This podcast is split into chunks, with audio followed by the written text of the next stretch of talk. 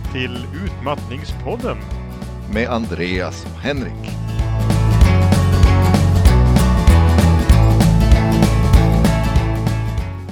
Välkomna tillbaka till Utmattningspodden. Mm. Och särskilt välkommen till dig Henrik. Tack så mycket Arne, välkommen du också. Idag tänkte jag att vi skulle prata lite grann som en fortsättning på det här vi pratade om sist. Nämligen att vi nu ska prata om eh, återgång till arbete. Mm. Det ligger ju naturligt i följd där. Mm.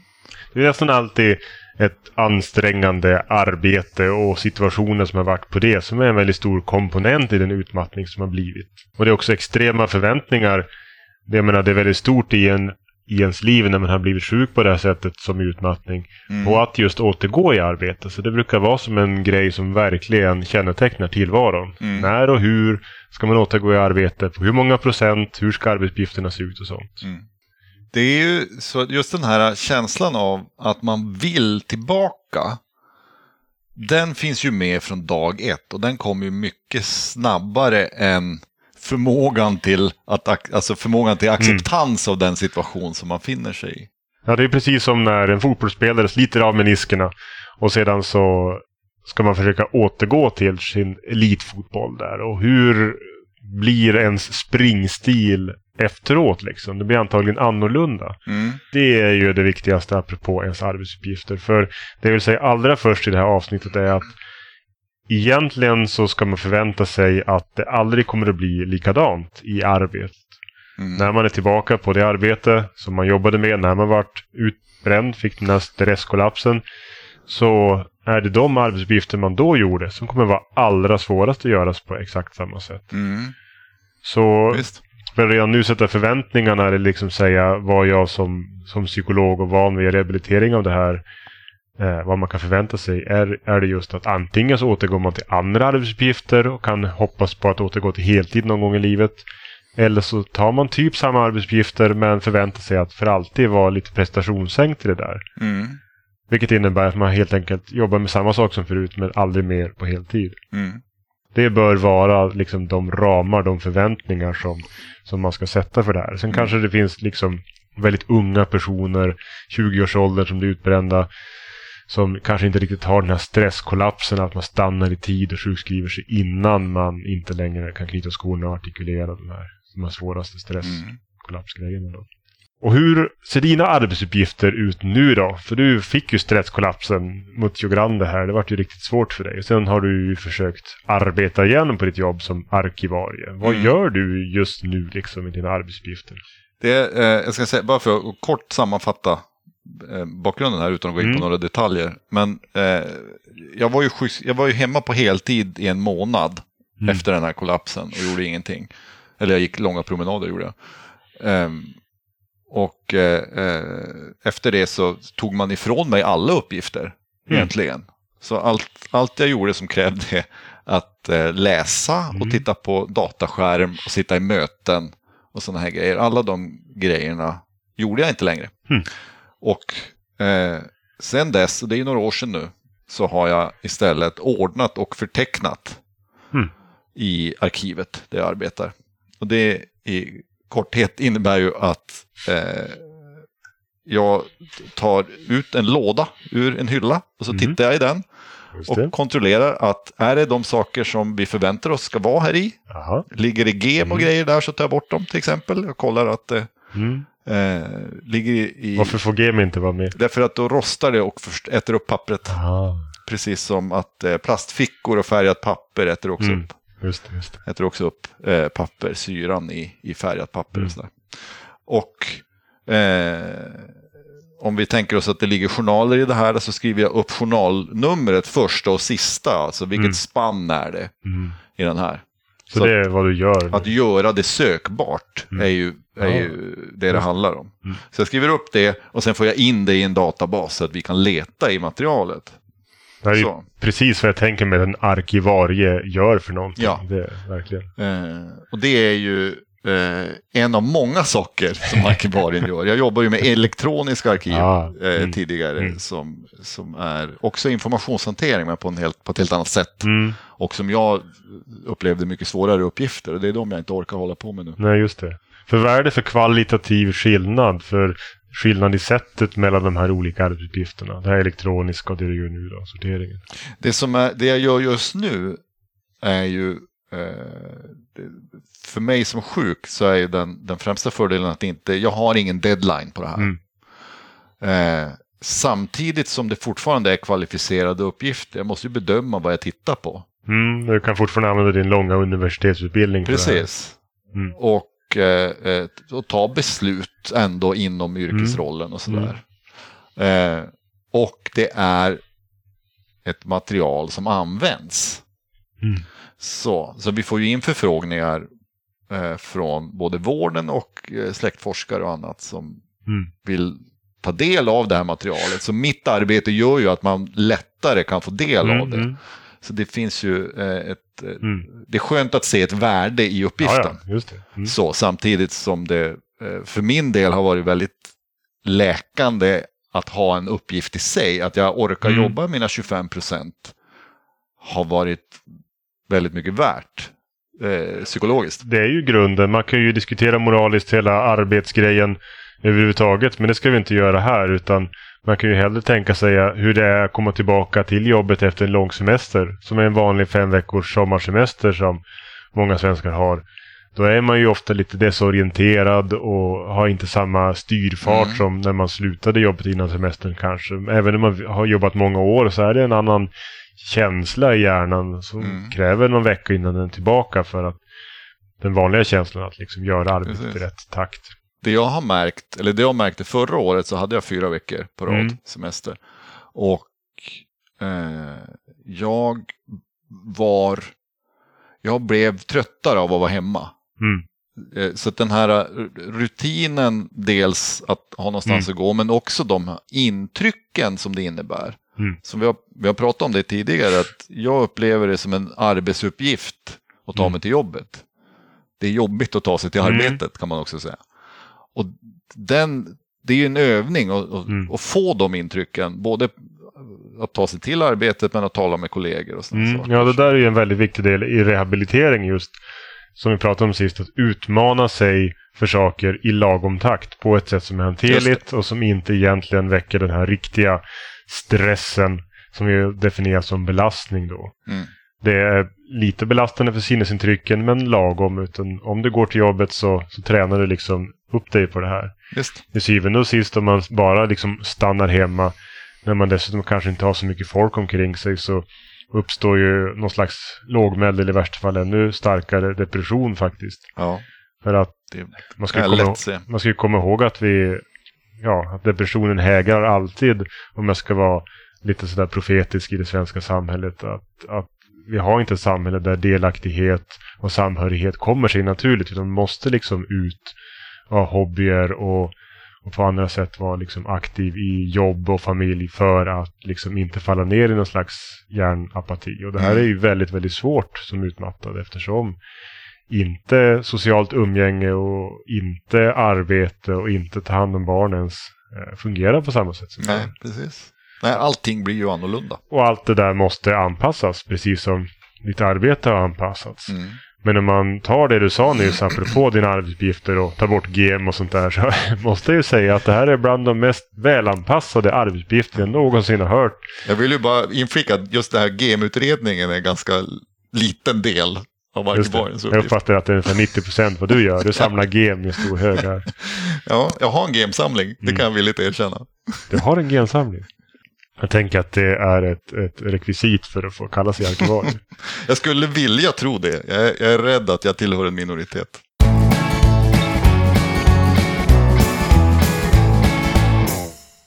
Precis, så du har alltså de mest välanpassade arbetsuppgifterna man egentligen kan tänka sig. Du gör någonting som, som är kvalificerat, alltså du använder din, din kapacitet, för det är ju aldrig eh, den här, vad ska man säga, förmågan att egentligen tänka eller liksom använda alla, allt det man har lärt sig. Det är inte den som skadas när man blir utmattad, utan det är ju Mm. liksom kapaciteten att tåla stress, att tåla belastning. Så att sitta i möten, att samordna andra, och att ta beslut eh, på fler, med flera led så att säga. Liksom med många villkor. Att om den här personen först har gjort sina arbetsuppgifter och sånt där. Mm. Sådana grejer blir, blir man utbränd på. Det är de förmågorna som bränns ut. Medan just det här, gör det här på det här sättet. Du har hur lång tid på dig som helst. Precis de arbetsuppgifter man vill ha. Mm. Men det är mycket svårare om man till exempel är en, en person som jobbar i vård, skola och omsorg. De vanligaste ställena att jobba när man blir utbränd. Mm. För har man en mellanstadieklass så är det lite svårare att se hur man ska få en sån där situation att nu ska du göra det här på det här sättet. Det är ingen eh, yttre stress på dig riktigt. Nej. Nej, det är ju väldigt lätt att se, uh, föreställa sig arbetsplatser där, där anpassningen är mycket svårare. Mm. När det dessutom är många som skulle behöva de anpassningarna ibland. Jag har suttit på många rehabkonferenser där en stackars stressad chef säger just så, den saken. Att här är en fjärde av tio personer som blir utmattad och helst skulle haft extremt anpassade arbetsuppgifter. Ja. Alla kan ju inte vara elevassistenter som tar hand om i särskilt riktade insatser eller hjälper de andra med att sortera grejer och sånt där hur länge som helst. Men när man pratar om vad som faktiskt behövs så måste man ju vara ärlig med de här sakerna. Att, ja, att ge av sig själv till plikten och sådana saker är ju det som har fått en utmattad till att börja med. Och faktum är faktum, just att har man bränt ut sin förmåga att hantera belastning, psykisk belastning, stress och organisera, planera, sortera, samordna så ska man inte göra det sen. Mm. Det, det du säger är att eh, de flesta kommer inte tillbaka till exakt Nej. det de höll på med. Va? Men eh, den första tanken som slår en, Mm. den som blir sjuk, är ju att eh, nu kommer det här att gå över. Mm. Så tänkte jag. Mm. Nu kommer det här att gå över och eh, eh, jag, jag kommer att bli frisk om jag gör på Mm. rätt sätt här. Mm. Om jag är sjuk på rätt sätt så kommer jag Mm. att bli frisk på rätt sätt och då kommer jag att komma tillbaka. Mm. Eh, och det tog väldigt lång tid att förstå det som du beskriver Mm. nu. Det tog väldigt lång tid för mig att komma dit. Det, Ja, det är därför jag beskriver det precis i början här. process. Att, att man måste dit till slut. Mm.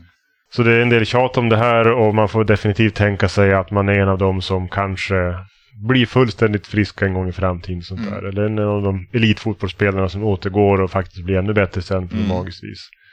Allt kan hända så länge man har liksom rätt förväntningar och lägger upp strategierna för det och faktiskt ser varje dag som den är. För tänk att den största kraschen ändå händer just varje dag när man om man är hela tiden är i frustrationen va? visst. Mellan att idag kan jag inte heller, när ska Mm. det egentligen bli bra på något vis? Ja, det där är en bra poäng. Mm. Vi skulle kunna prata hur länge som helst om just att acceptera dagsläget men det är ju egentligen kärnan i acceptans. Mm. Om man försöker som psykolog att få folk att, att inte hela tiden driva tillbaka till någonting som nästan liknar bitterhet ibland. Att varför har jag drabbats? Då kan man säga just det här att kan vi acceptera att just den här halvtimmen så kommer du fortsätta må som du gör nu. Ja. Rädslan för mig Mm, eh, när jag har mått dåligt har ofta varit, är det så här det är? mm, Kommer det vara så här jävligt? Mm. Jämt nu? mm, Och ett sätt att hantera det har varit att tänka, nej, men det kanske måste vara det idag. Ja, nej men visst. Precis, och det där är ju ingången till en viss hälsa i stunder.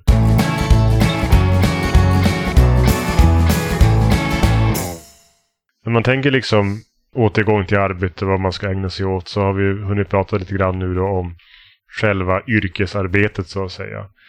Och här hinner vi förstås inte prata om alla yrken som finns, exakt hur man kan göra, utan den springande punkten för att förtydliga den är ju just att i arbetet så måste det försvinna de här belastande momenten. Man kan göra väldigt kvalificerade grejer. Man kan möjligtvis göra samma saker på samma sätt men i mindre utsträckning. Sen är det ingenting som hindrar att man lever ett, ett liv som att man hade ett arbete som alla andra. Som du sa, man går till jobbet även en kort stund. Arbetsträning som det ibland heter i försäkringskassesammanhang. Mm. Det kan vara en lämplig åtgärd. Jag har också träffat många människor där det mest rehabiliterande som de har behövt, särskilt folk som är äldre, alltså 50 år uppåt, som blir utbrända, folk som har svåra stresskollapser som kanske behöver en kolonilott att ta hand om. Mm. Ja, saker växer ju ganska långsamt ändå. De växer upp på en sommar, de flesta grönsaker man planterar. Att på det sättet göra någonting eh, kan vara en, en liksom arbetsträning, en anpassning, en del i en tillvaro som ska fungera. Men menar du att det är någonting som man kan få hjälp med från från, eh, från vårdens sida? Eller är det här? Jag aktar mig för att liksom diskutera hur systemet faktiskt fungerar här. För att Det är nog klokt. man kan bli otroligt hårt ansatt att man ska tillbaka till samma arbete. Och det, är också, det är nästan alltid den oerhört uttryckta försäkringsmedicinska åtgärderna. Så man ska tillbaka till samma arbete. Mm. Om man inte lyckas på nog lång tid så är det som faktiskt händer att man förväntas söka nya arbeten. Om man är sjukskriven en lång tid så ska man ut, eh, om termen nu är typ eh, söka arbete som har på arbetsmarknaden vanligt förekommande arbetsuppgifter. Typ, Och vad menar man då? varför jag aktar mig att- säga tydliga saker om det här för att det, det är ju så många som har blivit illa behandlade och, och som upplever sig extremt hårt ansatta av systemet. Det har varit Mm. olika regeringar, olika politiker, men helt klart är det just nu till exempel så att väldigt många människor blir utförsäkrade efter 180 dagar, lite oavsett hur de mår. Förr i tiden så var det färre som blev det. 2015 och tidigare. I gengäld så hade sjukförsäkringen en bortre parentes som man sa. Man blev automatiskt friskskriven efter ett tag, skulle söka arbete i två månader och kunde sedan börja om Mm. båda de här systemen, nu när man utförsäkrar väldigt många per automatik efter 180 dagar, så innebär det ju att folk eh, känner sig väldigt ansatta och då är man inte i riktigt rehabläge. Då, eh, det är ingen som kommer erbjuda en, en kolonilott för att faktiskt svara på frågan, utan Nej. jag beskrev det som en sak som kan vara rehabiliterande i grunden. Ja, För viktigare är ju för ens personliga situation att, apropå till exempel dina promenader till jobbet, att fundera på hela livet mm. behöver andra saker än också arbetet anpassas. precis. Arbetet finns det ju ändå system för, men är det faktiskt någon som tänker på hur fungerar det när du kommer hem från jobbet? Har du barn att hämta? Mm. Har du mat att laga? Har du andra stora engagemang, åtaganden, saker som inte går att frånsäga sig och som är självklara men som kanske också är delar i det som har bränt ut så att Mm. Visst. Och allt, allt, alla de här delarna är ju belastning i någon form. Exakt, stressande. Så de behöver man kanske också få till på något vis. I bästa fall har man ju anhöriga nära, alltså en partner kanske. De kan ta väldigt mycket av det här samordnande ansvaret som Mm. är det svåraste när man har blivit utmattad. Visst. Andra gånger är det inte så alternativt att partnern inte, inte kan eller klarar av att ta allt det där. Och det, det är ju ibland lite omöjliga ekvationer i det här. Mm. För där finns det absolut ingen samhällsinstans som är beredd att träda in och säga att vi sjukskriver dig från din egen barnhämtning eller något sånt där. Nej, nej, visst.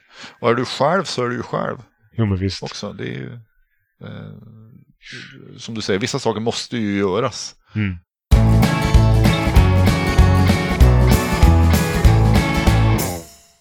Nej, nu har vi pratat runt lite grann om de här sakerna och förhoppningsvis eh, beskrivit just att alla delar av livet behöver egentligen anpassas. Mm. Och återigen är poängen att man behöver få en tydligare struktur på det man ska göra. Som med en annan figur som jag har sagt tidigare, så när man blir utmattad så blir man ju som en yngre person. En person med stresskollaps fungerar kanske som en femåring. Ja, Femåringar behöver otroligt mycket hjälp och stöd om de ska kunna laga en måltid. ja, Kanske kan det, men det behöver någon, stå någon bredvid och se till att de gör allt rätt och påpekar exakt vad de ska göra. Så är det ju ofta när man har en stresskollaps. Man klarar nästan ingenting utan någon som hjälper en med allt. nej. Men om man plötsligt har tillfrisknat kanske man är som en, som en 14-åring. 14-åringar ute på prao kan göra väldigt, väldigt avancerade grejer. Till och med vara åtta timmar på, på ett jobb. Men Ja. de behöver nog ganska mycket handledning de också. Man kanske inte ska sätta dem att vara samordnare för stora projekt direkt. Nej, Det ska inte 14-åringar göra. Utan då behöver de anpassningar. Det där är, jag, jag, jag, kan känna igen mig i de här jämförelserna. Hur gammal tycker du att du fungerar som just nu? Oj.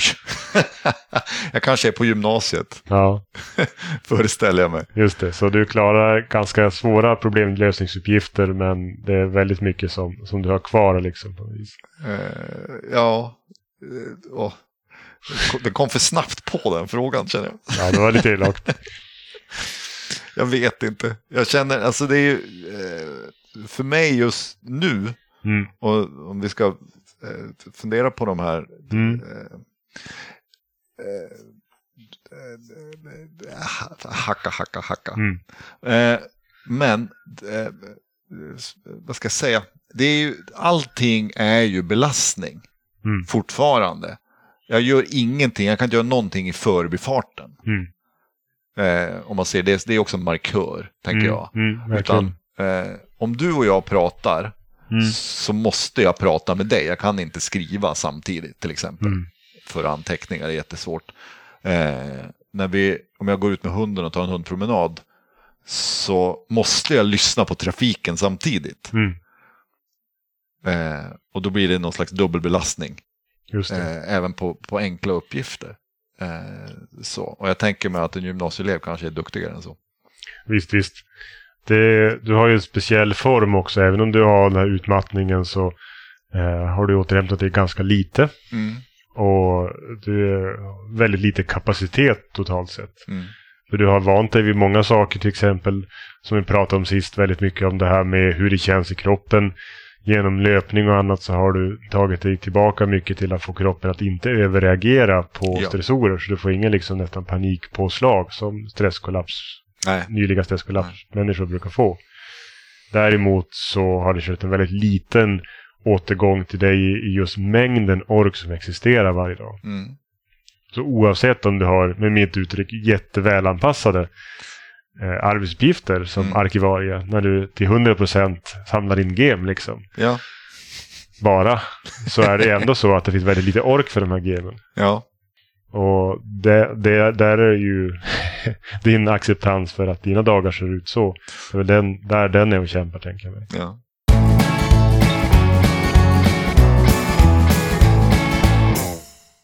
Eh, ja, precis. Då har vi ju fått en... Eh, någonstans i den här, Mm. slutet på den här diskussionen så hade vi en sammanfattning, uppfattar jag det som. Ja, Eh. jag drar det igen. Eh, I grunden behöver man ju totalanpassa hela livet. På arbetet är det ju på många sätt arbetsgivarens uttryckliga ansvar. På stora jobb finns en företagshälsovård och annars är det arbetsgivarens ansvar hur som helst att vara aktiv i en sjukskrivning. Mm. Och då gäller det framförallt att se till så att uppgifternas kvalitet förändras. Sättet på den förändras. Man, ska, man kan göra samma saker men inte på samma sätt. Mm. Man kan återvänja sig vid att göra samma uppgifter som förut men då bör- man förvänta sig att inte komma tillbaka till samma takt, samma arbetsmängd, samma procent som förut någonsin. Och jobbar man 50% med samma grejer som förut kan man då inte fylla upp med 50% samla gem. Utan, eller någonting annat välanpassat. Utan då räcker orken till de 50 procenten av det man gjorde förut. Ja. Alternativt 100 procent någonting välanpassat. Och så finns ju hemsituationen där det inte finns någon som liksom hjälper en sådär. Men eh, även hemsituationen kan ta ork och vara belastande på ett sätt som man måste ta hänsyn till.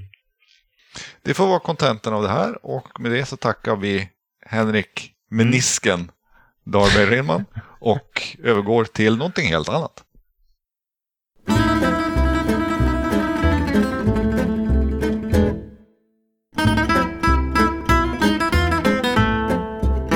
Henrik, vi förväntar oss ett psykologquiz här. Jag tror fortfarande inte att det är någon som kallar det här för PPQ, men jag tänker fortsätta. PPQ. Mycket bra förkortning. Psykologer tycker om trebokstavsförkortningar. Ja, det förstår jag. Det gör Så alla. här kommer då en fråga som vi får se om du har någon aning om. Vad kallas den, det psykiatriska tillstånd och diagnos som betecknar en överdriven rädsla för att någon del av kroppen är vanskapt? Menar du att betyder det att man ser saker som inte finns? Eller är det rädslan för att det kommer att hända någonting? Jag skulle inte säga att det är någonting så här eh, schizofrent, alltså att man ser saker som andra inte ser. Men det är ofta så att man tycker att egenskaper man har är ett otroligt mycket större problem än vad andra någonsin skulle kunna uppleva. Ja. Många gånger är det så att det man tycker är värst med ens utseende och som det, det som det här riktas mot inte någonting som andra någonsin skulle kunna uppfatta som negativt. Eller ens märker. Ja, Eh, ja, ett grekiskt ord. ett, ett grekiskt ord för en fobi då. Sluta på fobi, ja. Ja. Eh. Eh, ja, det här är ju svårt. Min grekiska är lite rostig. Eh, Är den det? Så om jag säger att det är egentligen ordet för vanskapt följt av ordet för fo- fobi så så är det svårt för mig att gissa. det vart inte lättare. Nej. Vad, vad är svaret på det här? Dysmorfofobi. vanskapt fobi. Ja, just det. Och en liten följdfråga som kanske tillåter lite mer spekulationer då, för det Mm. var ju väldigt, krävde ett väldigt specifikt svar. Varför är det här så svårbehandlat psykiatriskt? Det är väldigt få som blir liksom friska eller fria från det här. Varför? Eh, Det kan vara att man tycker näsan har fel form eller att öronen är alldeles för stora och att man lägger otroligt Ah. mycket tid på att ta hand om det här problemet. Till exempel att dölja sina öron, att titta ner så andra inte ser ens näsa. Eller att... eh, Ja, visst. Jag tänker, är det, är det själva, förstärker jag problemet genom att, att själv medicinera det så att säga? Eh, eh, att jag som är drabbad av det här upplever en förstärkning när jag döljer mina öron Mm. så blir det, får jag en positiv förstärkning på något sätt? Perfekt, du är inne på helt rätt spår. Det Ja. här är den skadliga mekanismen i det. Att, att det, det är därför det är en typ av tvång. Va? För tvång är ju att man får ett il som inte är så logiskt. Typ att kolla om dörren är stängd eller spisen är avstängd. Och sedan gör man det och då släpper en viss inre stress, inre Mm. ångest. I känslan. Så vad är liksom huvudproblemet? Vad är det som gör det här så svårbehandlat? är frågan jag ställer till dig. Det är att patienterna inte vill behandlas. Ja. Det är väldigt, väldigt ofta när man väl stöter på sådana här patienter eh, som de inte är så frivilligt där. Utan det är läkaren som har skickat ner dem. Och så säger de, eh, läkaren tror att jag är knäpp. Men det är faktiskt så att mina fötter är groteska och jag vill att jag har inte råd att betala de här operationerna själv. Det vill säga jag har betalat en operation men det räckte inte. Känslan är fortfarande kvar, det måste förändras. Mm. Och, och man förstår dem ju, för om man ägnar så mycket tid och ork åt det här så, så brukar man eh, ha den som en otroligt stark föreställning. De flesta människor har ju någonting i kroppen som de känner är sämre än annat och som man skäms för. Liksom. Men Ja. om själva ritualerna för att hantera det tar över så kan man få dysmorfofobi och de vill sällan ha behandling. Mm. Eh, har du någon fråga som du har tänkt ställa mig övergår då? vi Har till det svenska järnvägsnätet, Jaha ja, tänkte jag. har åkt mycket järnväg. Eh, och nu eh, ska vi, för att göra det här lite enklare så eh, är det inga exakta årtal. Okej. Men eh, eh, Sveriges, eh, man brukar säga att eh, eh, Sveriges järnvägshistoria Mm. eh, börjar ett visst år då såklart. Och det, var, det var tre olika linjer som öppnade i året samtidigt Mm. tror jag. Men en av dem var Örebro-Nora järnväg Mhm. den 5 mars. Minsann. Mm.